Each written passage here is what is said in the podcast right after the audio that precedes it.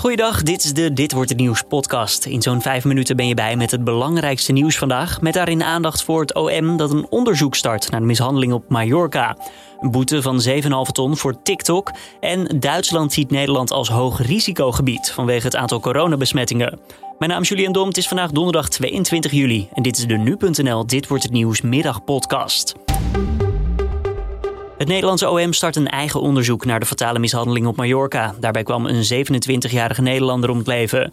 Er is tot het eigen onderzoek besloten vanwege nieuwe informatie die is binnengekomen. Dit neemt niet het Spaanse onderzoek over, dat vertelt een woordvoerder aan nu.nl. Maar vroeg of laat zou bepaald moeten worden of ze in Nederland of Spanje worden berecht. En hoe eerder je met je onderzoek begint, hoe beter het resultaat, al dus het OM.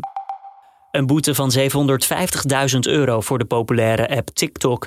De app zou de privacy van jonge kinderen schenden. Tech-redacteur Rutger Otto legt het uit. Volgens de Europese privacywet moeten gebruikers heel duidelijk uitgelegd krijgen wat er met hun gegevens gebeurt. En TikTok deed dat alleen in het Engels. Nu zegt de toezichthouder: van jonge kinderen kan niet worden verwacht dat ze Engels begrijpen en kunnen lezen. Dus overtreden ze de privacywet. TikTok is niet eens met de boete en tekent bezwaar aan. Het bedrijf zegt juist veel waarde te hechten aan privacy. Sinds juli 2020 zou er een kortere, toegankelijkere versie van het privacybeleid beschikbaar zijn in het Nederlands. En deze zou ook geaccepteerd zijn door de autoriteit persoonsgegevens.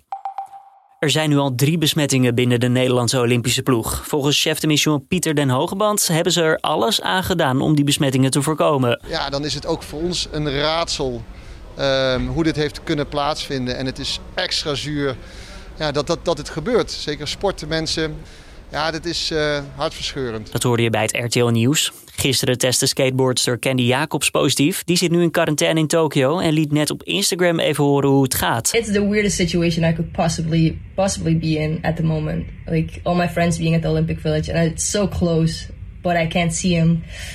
Uh, I can't really go anywhere, but um, yeah, I'm getting a little bit nasal. That's the only thing I'm noticing at moment. Ze voelt zich een beetje nasaal dus, maar vindt het ook heel gek.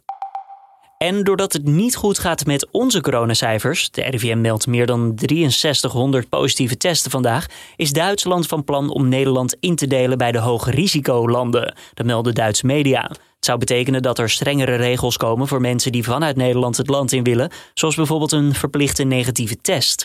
Grote delen van Nederland kleuren inmiddels donkerrood op de Europese coronakaart.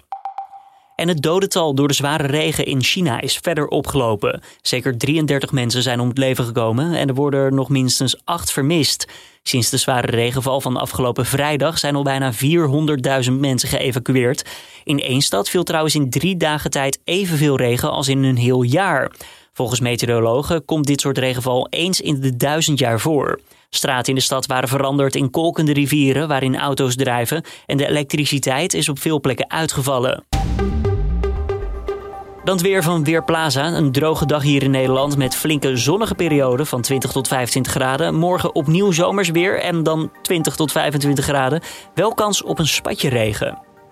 Ja, om af te sluiten, een platgeslagen mug of een jeukende muggenbult op je been zou toch nog ergens goed voor zijn. Europese onderzoekers gebruiken namelijk foto's daarvan voor onderzoek. Je hoort de Nederlandse programmamanager bij Radio 1. Ja, zoveel mogelijk mensen die een Mosquito Alert app downloaden en dan foto's van de muggen of van de muggenbulten. En je kan zelfs van muggenbroedplaatsen opsturen. Dan kunnen we heel nauwkeurig in kaart brengen in Nederland waar nou de meeste overlast is. Het is wel belangrijk dat je de mug niet te hard doodslaat. Dan kunnen de onderzoekers hem namelijk niet meer herkennen. En dit was het dan, de Dit Wordt Het Nieuws podcast van deze donderdag 22 juli. Tips of feedback zijn altijd welkom. Kan je sturen naar podcast.nu.nl. Mijn naam is Julian Dom en ik wens je voor nu een fijne donderdagavond.